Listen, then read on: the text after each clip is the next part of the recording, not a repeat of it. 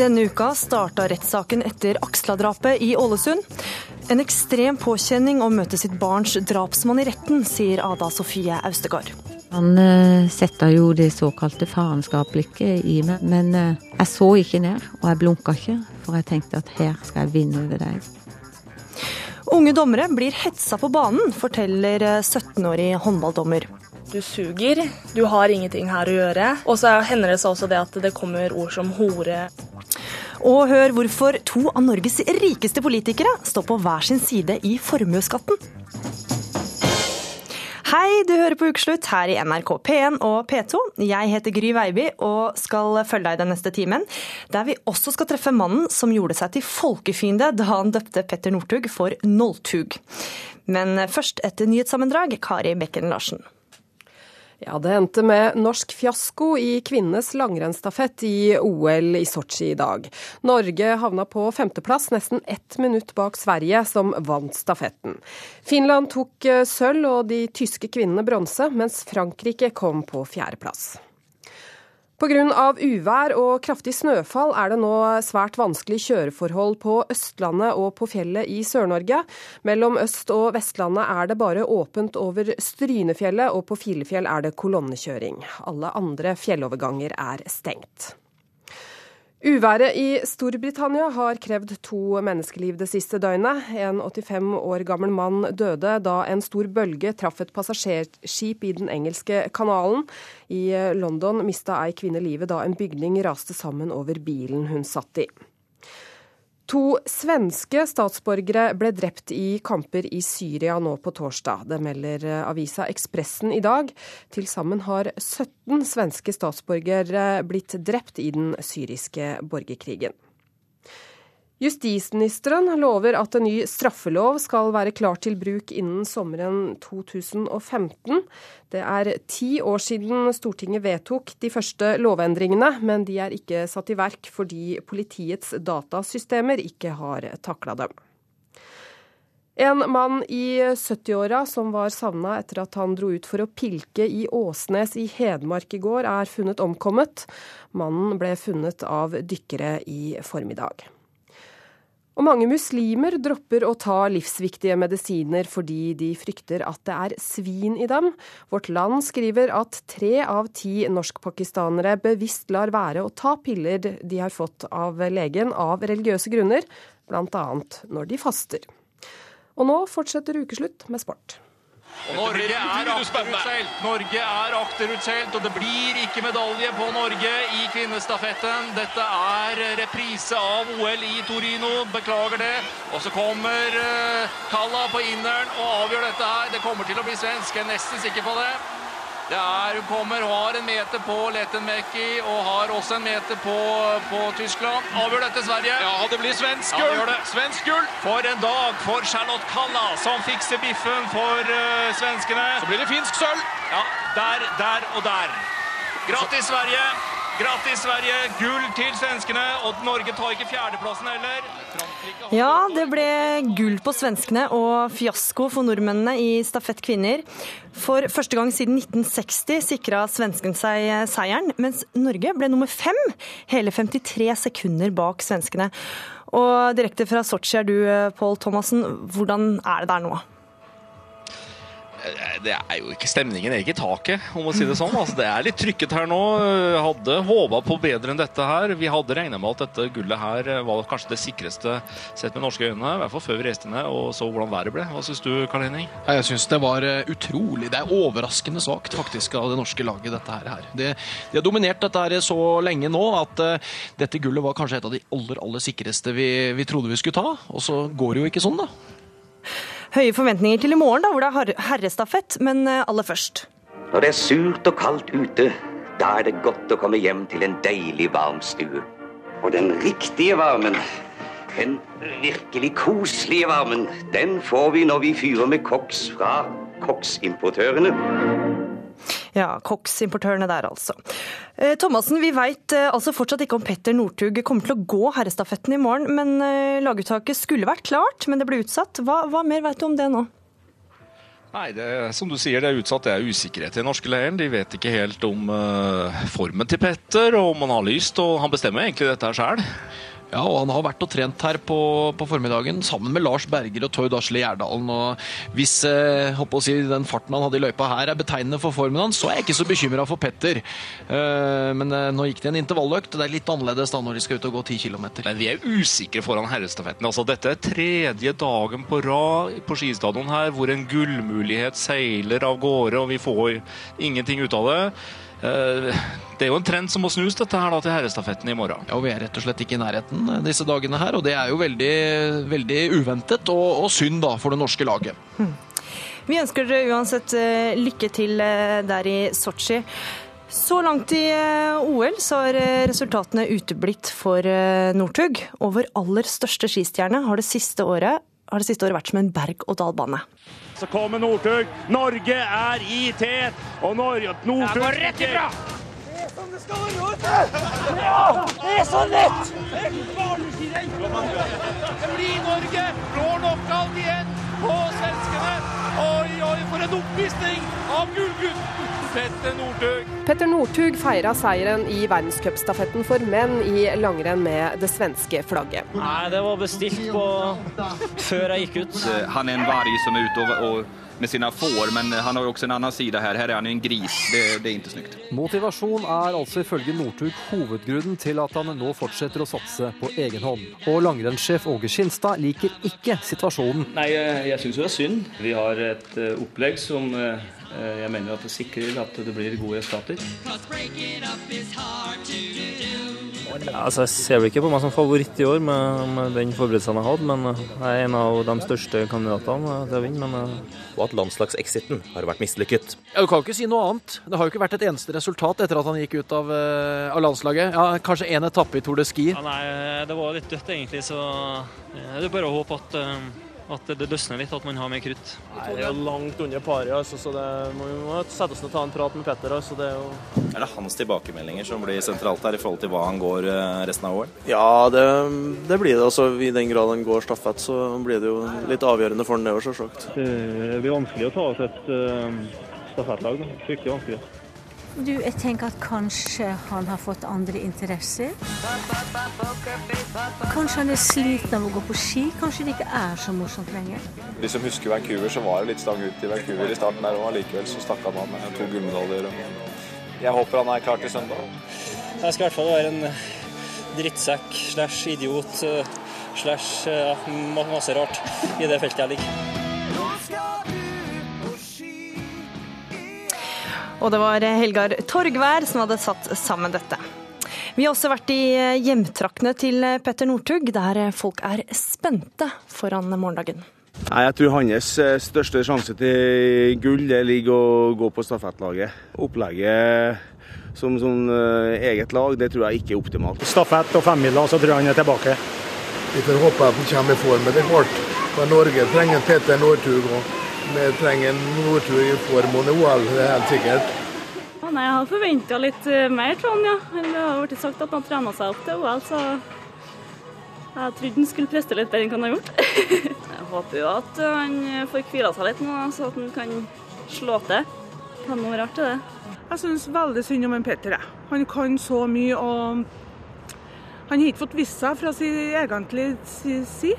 Og folk må slutte nå å herse med han ha litt respekt for den mannen. Syns de herser veldig med ham og mobber ham for at han ikke klarte det så bra under OL. Men bare vent, han kommer tilbake. Vi skal straks snakke mer om Northug, men vi har med Lasse Anrell. Du er tidligere sportskommentator i Aftenbladet og svensk. Og først og fremst vil jeg bare gratulere deg med gull! Takk så mye. Altså det, jeg kan si at det er en stor dag i Sverige. det her. Altså, jeg tror Sverige i dag er omtrent som Norge. Sverige er Norge. Du, eh, vet ikke om folk kjenner igjen navnet ditt, men du eh, klarte å bli folkefiende her i Norge da du under ski-VM i 2011 kalte Northug for Nolltug.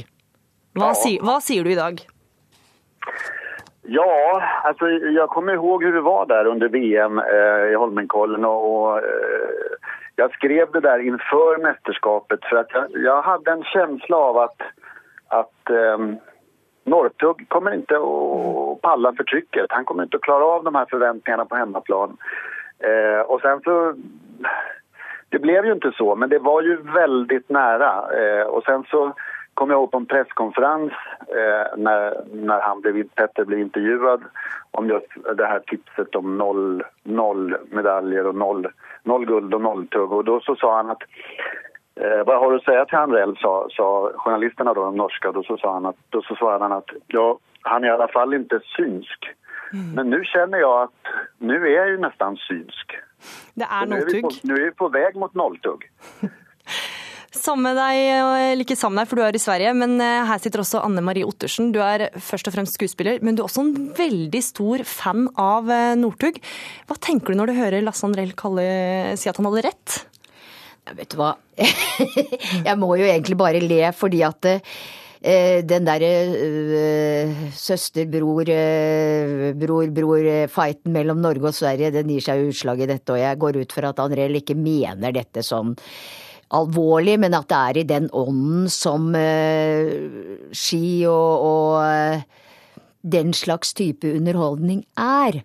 Fordi det er jo hevet over enhver tvil at Northug er en kjempestor skiløper. Jeg kan godt skjønne at svenskene har misunt oss han.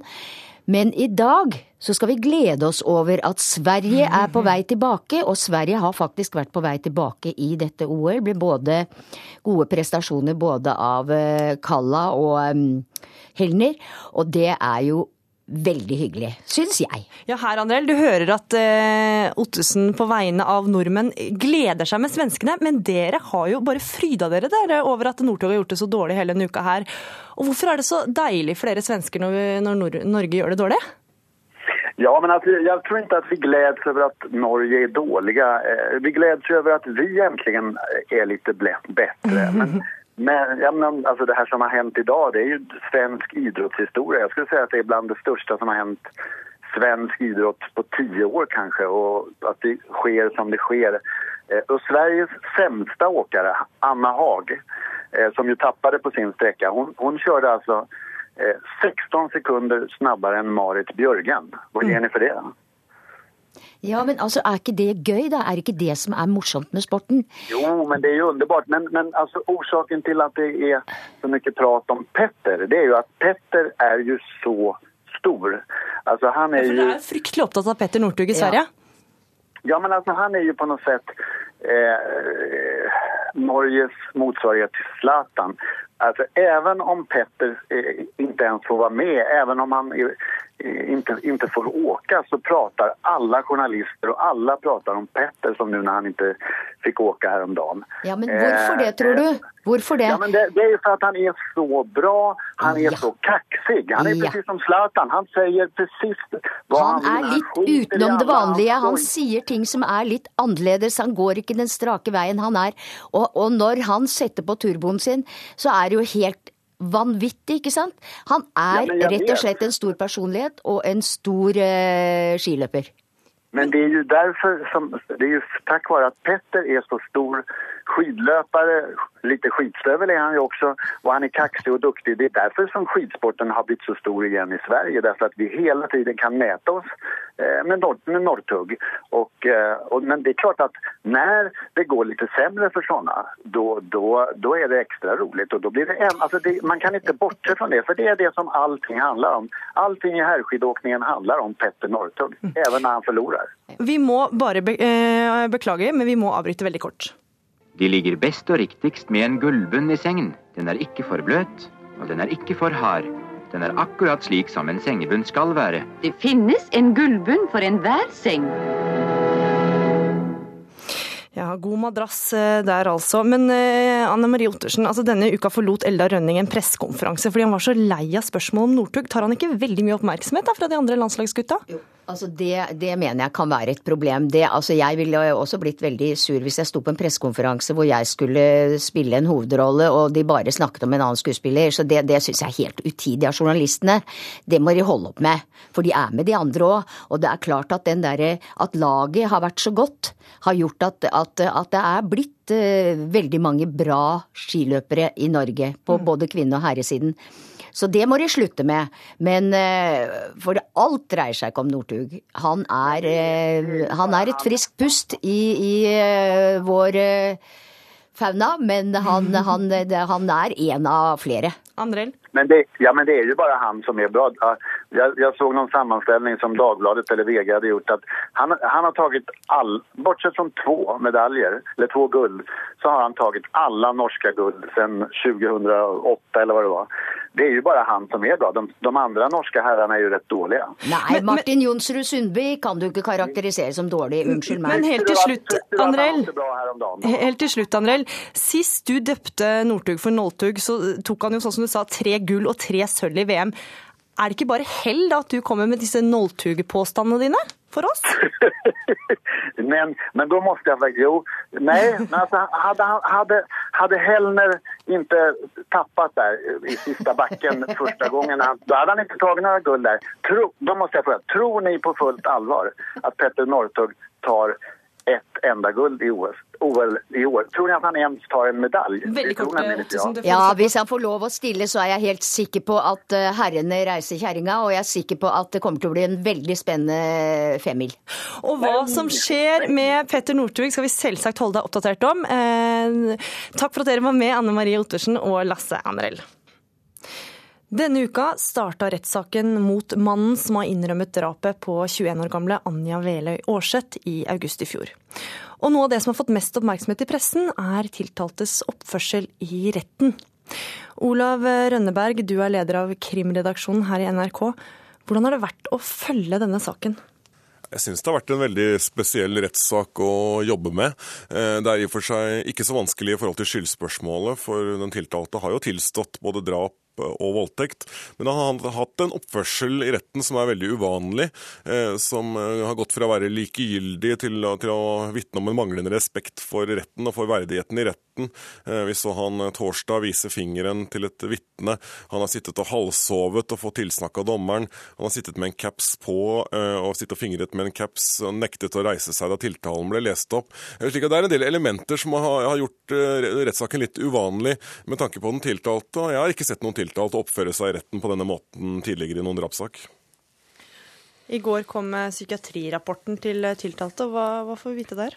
Vi fikk jo vite litt om eh, hvorfor han er som han er. Eh, vi fikk vite at han allerede i barne- og ungdomsårene utviklet en alvorlig personlighetsforstyrrelse. At han også har en psykisk lidelse pga. langvarig rusmisbruk. Eh, det forklarer kanskje noe av, av opptredenen hans i i retten. Vi fikk høre at han er testet, at han er IQ-testet og har en IQ på 71, eh, som er så vidt over nivået for psykisk utviklingshemming. Eh, Så vi fikk i grunnen vite litt mer om, om hvorfor han er som han er. Men det er klart at eh, mye av denne oppførselen i retten er jo villet. Det kunne han jo ha latt være hvis han ville. I går forklarte moren til Anja seg. Hva sa hun? Det var jo veldig sterkt å høre moren til Anja forklare seg for retten. Eh, Det var en veldig følelsesladet forklaring. Eh, Hun fortalte jo mye om, om tiden da Anja var savnet. Eh, Hun fortalte at hun hadde kontakt med datteren siste gang så sent som under to timer før hun da ble drept. Da var Anja blid og glad. Så fortalte hun om da denne savnet-perioden. Foreldrene kom til Ålesund og begynte å delta i letingen selv. Og så fortalte hun om øyeblikkene da de fikk vite at Anja var funnet drept, og det var helt ufattelig for de. De trodde først eh, ikke på det. Eh, Og hun fortalte om tiden etterpå, og brukte bl.a. en beskrivelse som at eh, av og til føler hun at noen har revet ut hjertet hennes og, og tråkket på det, og forventet at det skal fortsette å slå. Mm. Takk til deg, Olav Rønneberg. Og det å skulle møte sin datters drapsmann har vært en eh, stor påkjenning, forteller bistandsadvokaten til Anjas familie. Mine klienter har reagert veldig negativt på, på dette. Eh, fordi at det viser at han ikke følger sagt, vanlige spilleregler, vanlig oppførsel, vanlig etikette i en rettssak. Dette er han helt sikkert eh, forberedt på hvordan han, han burde oppføre seg. Det er naturligvis en stor påkjenning det foreldrene nå går igjennom, forteller bistandsadvokat Einar Råen. Sammen har de gått gjennom sakens dokumenter og rammene for retten. Men når det gjelder de inntrykkene som eh, mine klienter eh, eh, vil få, så er jo det vanskelig å, å forberede på, på akkurat det. På Sørlandet sitter en som vet litt om hvordan familien til Anja må ha det nå. Viggo hadde faenskapsblikket da vi traff jentene, sier Jan Helge Andersen. Hevder han ble truet til å drepe, og nekter det som skjedde var planlagt. Jan Helge Andersen hevdet han var under press fra kameraten Viggo Kristiansen og ble truet til å drepe. For 14 år siden ble de to venninnene Stine Sofie på åtte år og Lene på ti brutalt drept på badetur i Kristiansand. Mor til Stine Sofie, Ada Sofie Austegard, var gjennom to lange runder i retten. Den fysiske ubehaget, det var absolutt til stede. Det er ikke bare det psykiske, her er det òg det fysiske ubehaget. Du kjenner du er kvalm, eh, kaldsvetta. Eh, men jeg var så fast bestemt på at dette her skulle jeg gå igjennom. Men det som òg kan være en utfordring, det er det at det er jo så mange mennesker i sånn en sal. Eh, og er sånn der, du er jo så klart òg bevisst på hva de andre tenker og forventer, åssen du skal oppføre deg. Og det er på en måte en tilleggsbelastning. Eh, det er veldig vanskelig å være deg sjøl, og så sitter så er du i en setting der det er veldig viktig at du oppfører deg på riktig måte. Så du må hele tida skjule følelsene dine holde deg inne. Eh, og det kan være beintøft. Så jeg var veldig glad når den første pausen kom, kan jeg huske. Da, da var det så det nesten bobla over av følelser og, og smerter og frustrasjon. Eh, og det var tungt. Og jeg husker når jeg kom hjem den dagen, så var det som jeg hadde sprunget maraton. Jeg var så sliten. Kunne du fortalt meg veien til vitnestøttekontoret? Ja. Da går du trappa opp, og så går du mot kantina. Og så er det en liten dør sånn omtrent der. I annen etasje på Oslo tinghus finnes et lite kontor med en sofagruppe i hjørnet. Der blir vi tatt godt imot av en vennlig dame. Hei, jeg heter Berit Konradi Olan og er vitnestøtte i tingretten. Vitnestøttene er frivillige fra Røde Kors. I løpet av de siste årene har mange tinghus her i landet fått en slik ordning. Målet er å gjøre møtet med retten så trygt og godt som overhodet mulig for pårørende og andre som kommer for å vitne. Det er et veldig behov for mange å, å prate og roe seg ned. og da vi har blitt ganske gode på small talks etter hvert og vær og vind og sånn. og Vår hovedoppgave er jo å roe ned vitnene og gjøre de trygge. Vi skal ikke være noen bistandsadvokat eller noen fagpersoner som skal gi dem faglige råd men være en, en menneskelig støtte, en skulder å gråte på. Ja, På denne siden her sitter aktor, og i de større sakene hvor det er bistandsadvokater, så sitter de også da på samme side som, som aktor. Å forklare pårørende hvordan alt det praktiske foregår i rettssalen, bidrar i hvert fall noe til en tryggere prosess. Og På denne siden her sitter forsvareren og tiltalte. Berit Konradi Oland opplever fra tid til annen at vitnene synes det blir en så stor påkjenning å se tiltalte at de ber om vedkommende kan bli flyttet. Da kan en bistå med f.eks. overføring til en annen rettssal. Det hender også at man gjør det på den måten at tiltalte blir satt litt lenger hva skal jeg si, bak i salen, sånn at ikke de som står i vitneboksen har øyekontakt med det. Og det, det, kan være nok at de bare blir flyttet på sånn at, eh, at, at vitnene ikke, ikke, ser rett på de når de forklarer seg. For Ada Sofie Austegard var møtet med gjerningsmennene sterkt. Ja, Den ene gjerningsmannen han uh, eh, setta jo det såkalte farenskapsblikket i meg med to anledninger. Um, og det var grusom opplevelse. Men uh, jeg så ikke ned, og jeg blunka ikke, for jeg tenkte at her skal jeg vinne over deg. Uh, og det klarte jeg. Det, det var en seier uh, å ikke se ned når han så på meg. Men det skjedde bare i løpet av tolv uker, så skjedde det bare med to anledninger. Jeg ser at det har vært følelsesmessig veldig sterkt for dem um, å, treffe denne personen. Uh, de har sett bilder av han før rettssaken, men det å treffe han og altså oppleve den personen, det har vært en veldig sterk opplevelse. Det er vanskelig å høre stemmen og se oppførselen til den som har tatt livet av det kjæreste du har. Likevel har foreldrene til Anja i Ålesund valgt å bli værende i rettssalen og følge saken, sier bistandsadvokaten. Det har vært eh, et tema om eh, dette er noe de klarer å gå igjennom. Men de har konkludert med at eh, dette ønsker de, fordi at dette er det stedet de sannsynligvis kan få ville kunne få mest mulig svar på hva som skjedde med datteren. Og reporter var Thomas Alverstein Ove. Du hører på Ukeslutt i NRK P1 og P2, og snart skal du få høre om gentlemansporten curling, der seniorene har fått en ny utfordring. De fleste må ha hørsel. Hørselapparatet, for de, de hører ikke når de skal slutte å puste. Unnskyld? Kunne jeg bedt deg om å forklare formuesskatt? Hva sa du? Kan du forklare formuesskatt? For, my for mye skatt? Nei, formuesskatt. Formue... Hva er det? Skatt på penger du har i banken, eller Uh, hva sa du? Kan du gjenta? Hva er formuesskatta? Er det ikke det at eh... Å nei, det kan jeg ikke. vet du hva, det Nei, det kan jeg ikke. Jeg, jeg vet ikke helt. Um, jeg tror det er en formue, altså eh, noe som du har spart opp, kanskje, som du gir i skatt. Jeg er ikke helt sikker.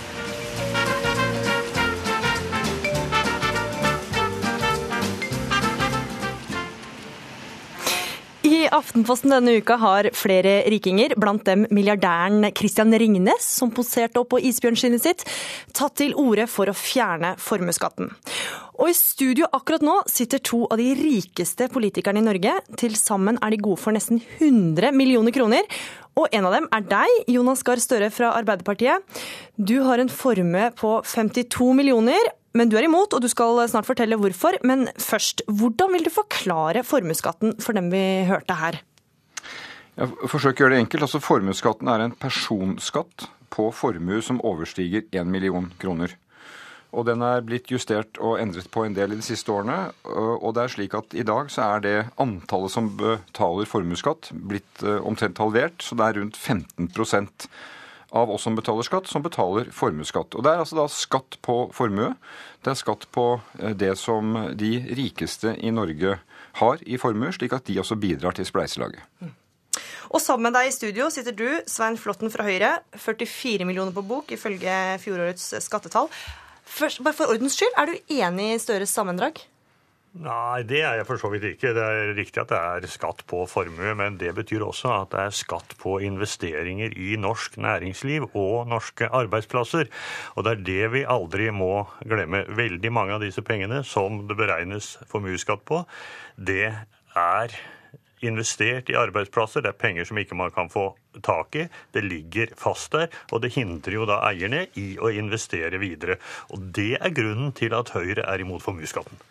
Nå skal vi få høre eh, de tre, deres tre beste argumenter for, for og mot formuesskatten. Og Jonas Gahr Støre, hva er, de, hva, er de, hva er dine argumenter for å beholde formuesskatten? Ja, For det første så mener jeg at uh, for mange med store formuer så er formuesskatten uh, den skatten de betaler. Mesteparten av den skatten de betaler. Så fjerner du den, så vil noen av landets rikeste personer få et skattekutt på mellom 60 og 99 mm. Det er første argument.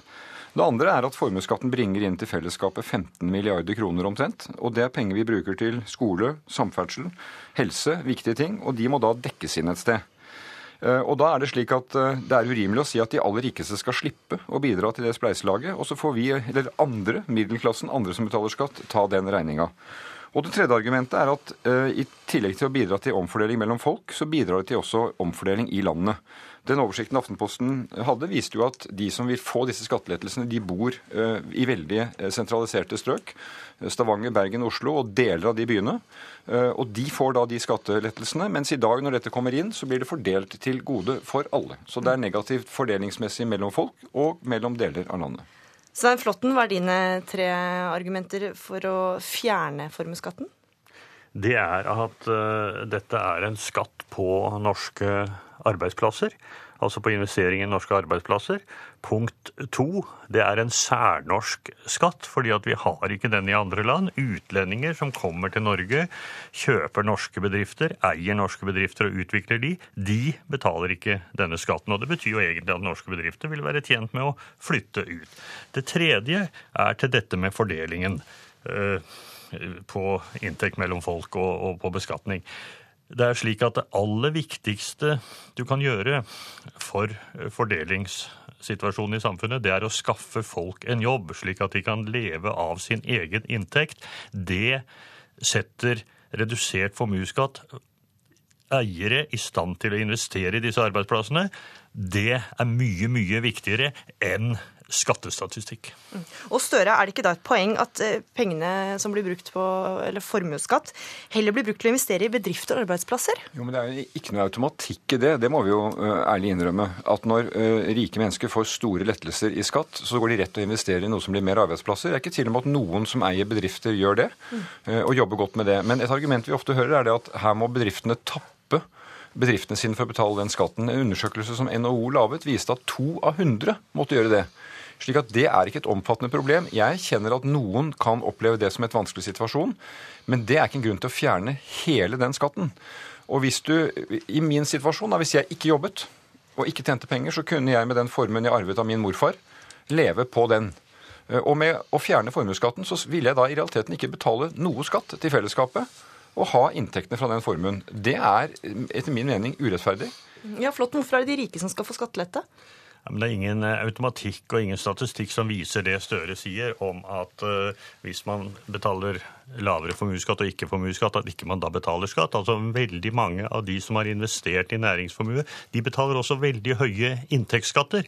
Finnes ingen slik statistikk. og uh, Vi så nylig en undersøkelse som NHO gjorde, som sier at rundt halvparten av de som ville få redusert formuesskatt, sier at da vil jeg investere i min bedrift. Og dette gjelder ikke rikinger. Dette gjelder småbedrifter, mellomstore bedrifter, hvor kanskje en formuesskatt på noe, en del titusener, kanskje på, på 100 000 kroner, er avgjørende for om du kan investere i én eller to arbeidsplasser til, i én eller to nye maskiner, som kan gjøre bedriften mer effektiv, mer konkurransedyktig.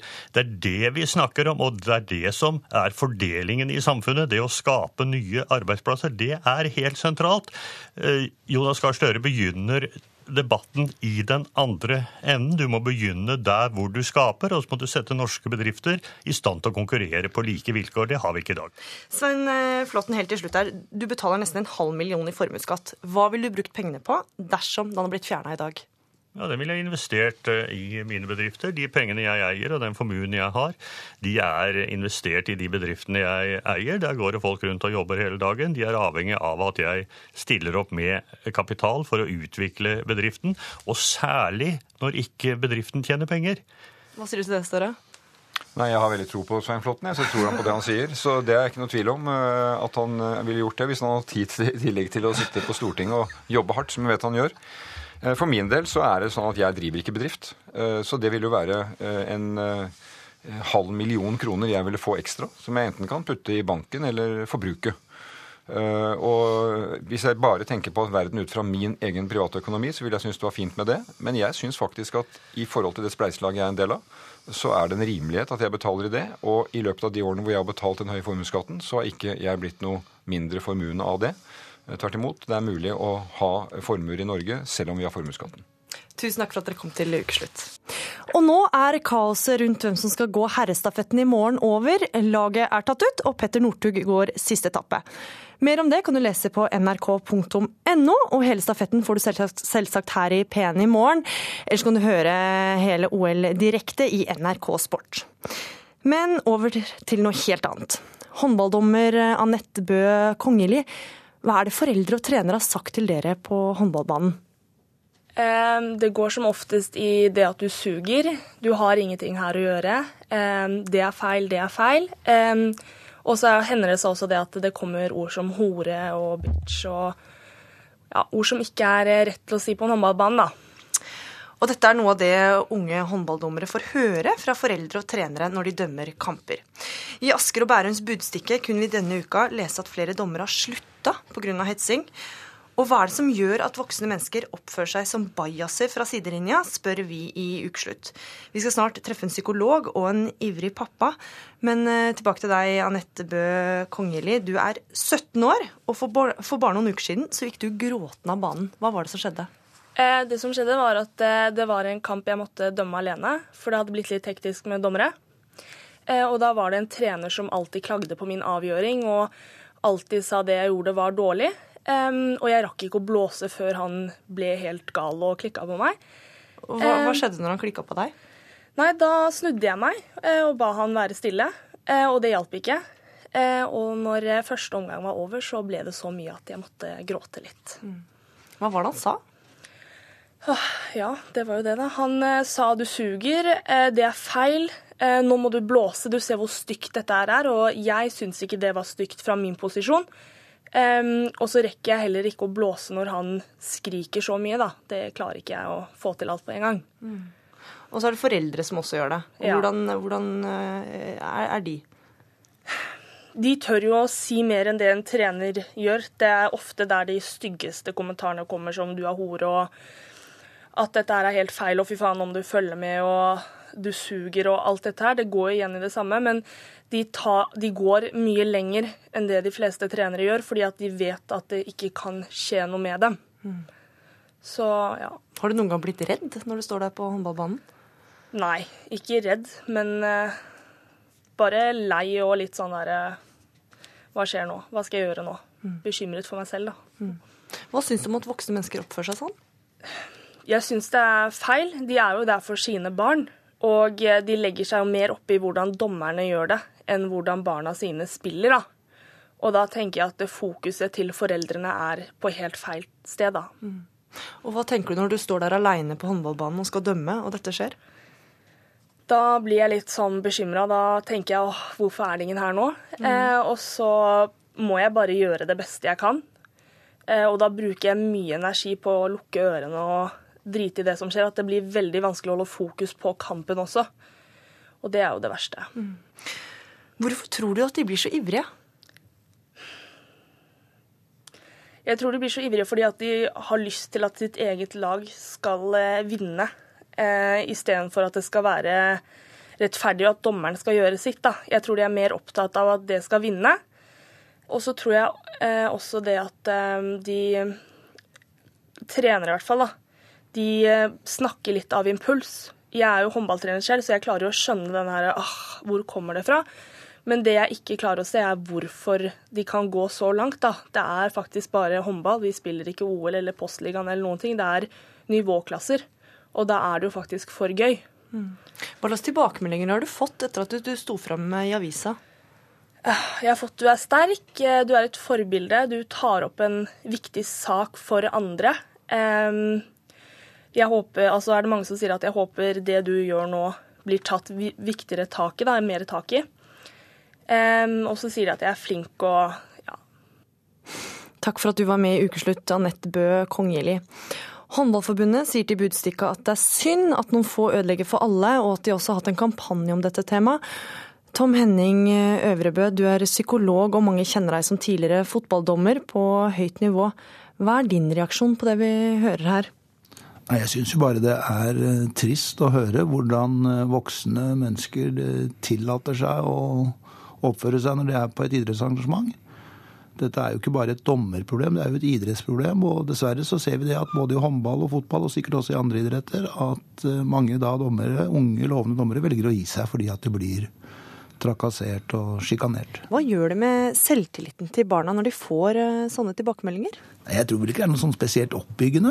Eh, Det sier seg selv. altså Hvis du da prøver å gjøre ditt beste på jobb, og, og, og du da får denne type meldinger fra en voksen person, så er det klart at da, da blir det kanskje, begynner du å tvile på egne ferdigheter og egenskaper. Så det er klart at eh, i verste fall så kan det også gå utover selvtilliten og selvfølelsen til folk. Tom Stalsberg, eh, sportsjournalist i Dagbladet, og vært ivrig på din sønns vegne på fotballbanen. Ja, magistergrad i fotballinteresse. Det må man kunne si. Hva er det som skjer i hodet på foreldre når de blir så engasjert på sine barns vegne? Ja, Det er et eh, stort og rart spørsmål. Eh, Jeg har jo stått og sett på Jeg var lollipop-ansvarlig og trener for et eh, lag her i Oslo fra de var 8 til de var 18. Mm. Det er mye rart å ha hørt der. Og det er stort sett også litt uvitenhet. Altså at de egentlig ikke kan de de skal være så utrolig superforeldre og ser bare sitt eget barn og sitt eget lag og har ikke perspektiv på det. Og så er det ofte de som ikke har peiling på fotball, da, som er verst. Som skriker og, på dommeren. Og jeg holder jo ofte med skal jeg, Det er ikke så ofte dommerne får skryt.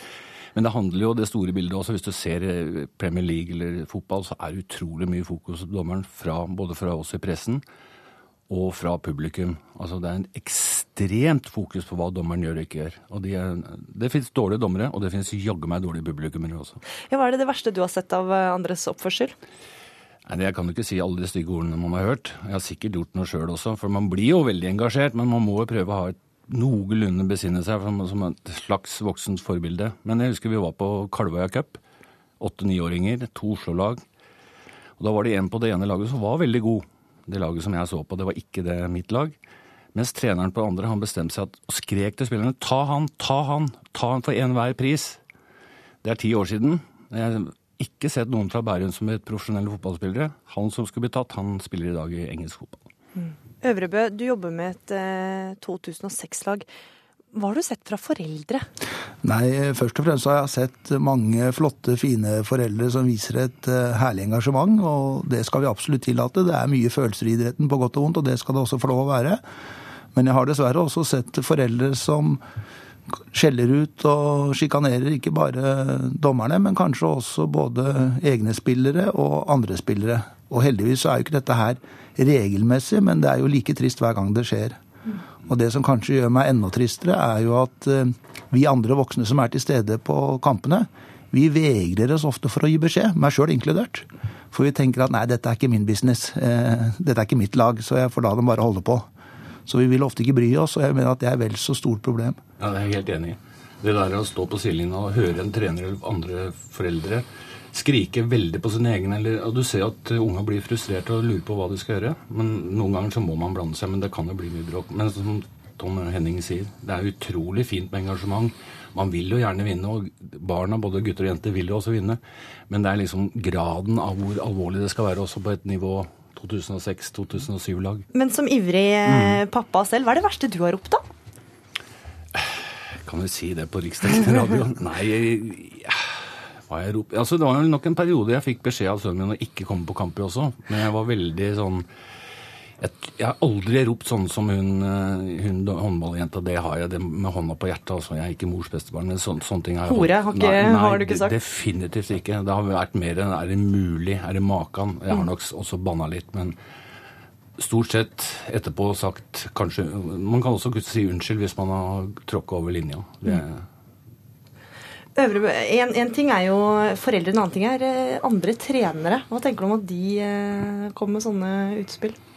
Nei, jeg mener jo helt alvorlig at hvis du ikke klarer å besinne deg, så t- bør du egentlig holde deg hjemme. Altså Hvis du er, har en trenerrolle eller er foreldre og er på kamp og, og syns det er vanskelig det å la være å slenge dritt til eh, andre aktører og, og dommere, så syns jeg heller at da kan du være hjemme og få referat av kampen når, når sønnen eller datteren din kommer hjem. Og jeg tror vi skal vokte oss vel for å gjøre dette til et dommerproblem. Altså, I min verden så er dette et holdningsproblem i forhold til hvordan vi oppfører oss mot andre mennesker. Når vi, når vi er på en arena hvor vi skal ha det gøy og vi skal mestre ting og ha det moro, og gjerne bli skuffa når vi taper litt og glede oss når vi vinner, uten at det dermed skal bli noe sjikan- sjikane og trakassering. Det er helt enig. Det er et, et sted der du Det med mestring er jo Stig Inge Bjørneby, som er breddeansvarlig i Fotballforbundet, har synes jeg, god, et god, godt verdigrunnlag. Det er viktig å se alle. De sjenerte, den som ikke kanskje er god, han, hun. Det er ofte de som Du, du må få med deg alle. Og at det er en frisone. Me- Mestring også kollektivt, ikke bare sånne ferdigheter med ball. At du klarer å oppføre deg i, i, sammen med andre. Og som en ivrig pappa, hva, hva er ditt råd til eh, andre foreldre som blir litt eh, vel ivrige når de ser ungen eh, spille? De bør eh, lære seg hva offside er først, og så må de lære seg å holde kjeft. Tusen takk for at dere var med i Ukeslutt. Curlingfeberen herjer, og igjen får klovnebuksene til utøverne stor oppmerksomhet. Men det er ikke noe nytt at antrekk er viktig i sporten som er en ordentlig gentlemansport. Ukesluttsreporter Heidi Røneid har møtt pensjonistene i Bygdøy curlingklubb. Ja, jeg, jeg sa i går at jeg begynner å like dem, jeg også. Det er fredag formiddag, og Bygde curlingklubbs seniorgruppe har trening. Tolv stykker har møtt opp, og det ene laget består av Jeg er, eh, heter Bjørn og er 71 år. Og jeg er, eh, heter Svein og er 86. Jeg heter David, og jeg er 73. Seniorgruppen møtes to dager i uken og spiller i rundt tre timer. Det setter medlemmene stor pris på. Det er sosialt, og det er, du kan holde på med det lenge. så er det god mosjon. Men det er også noen utfordringer som kommer med alderen. De fleste må ha hørsel. Hørselapparater, for det, øreapparater. For det, det, det er ikke alle som hører, hører like godt vet du, når du blir over 80 år. Bjørn Pedersen er leder for seniorgruppa. Men jeg opplever stadig at de, de hører ikke når de skal slutte å kose seg. Og skippen han eh, sikter ikke sant, for å se hvor stenen kommer, og han gir ordre da. Så det er veldig viktig at eh, de som koster oppfatter den ordren. Hjemme hos Peter Lange, tidligere president i Norges curlingforbund og aktiv curlingspiller siden 1962. Jeg kan eh, vise deg her eh, inne på rotekammeret mitt, så har jeg da eh, Hvor mange er det? Én, to, tre, fire, fem, seks, syv, åtte scrapbooks. Åtte bøker fulle av avisutklipp fra inn- og utland. Dette er fra 85, ja. På midten av forrige århundre var kleskoden noe annerledes enn klovnebuksene dagens landslag bruker. Ja, det, var, altså, det som, som, av og til eh, ble bemerket av utenforstående, det var jo at mange av disse som begynte, de, de anskaffet sånne skotteluer. og det kunne jo virke utad som en sånn ja, form for snobbesport, da. Men det, det, det gikk, det gikk vekk, gudskjelov. Men det var viktig å kle seg pent. I min tid så satset jeg veldig på at vi skulle ha curlingantrekk. Det skulle være ensartet, og det skulle være, være, pent å se på, kan du si. Når du spiller i en internasjonal turnering, så, så nytter det ikke å komme med en gjeng hvor de har alle hånde gensere og jakker og sånt. Da, da vil jo de stille svakt overfor en, en, en, motstander som vil se på det som en sånn, sånn hobbyklubb. Så hva synes Lange om draktene til landslaget? Ja, jeg ble jo litt overrasket, men jeg ble ikke forskrekket. Nei, jeg syns i grunnen det var, jeg synes det var litt gøy, altså. Må jeg si det. Altså, det som var det flotte da det kom, det var jo at de, de idrettslig så gjorde de en kjempejobb. De spilte så godt. Hvis de hadde vært, hvis de hadde vært nede på bånn og liksom ikke fikk til noen ting, så hadde ikke de buksene vært så vellykket, tror jeg. For da var det blitt mer klovn. Men så lenge det sto i stil med den innsatsen de gjorde, så syns folk at det var flott.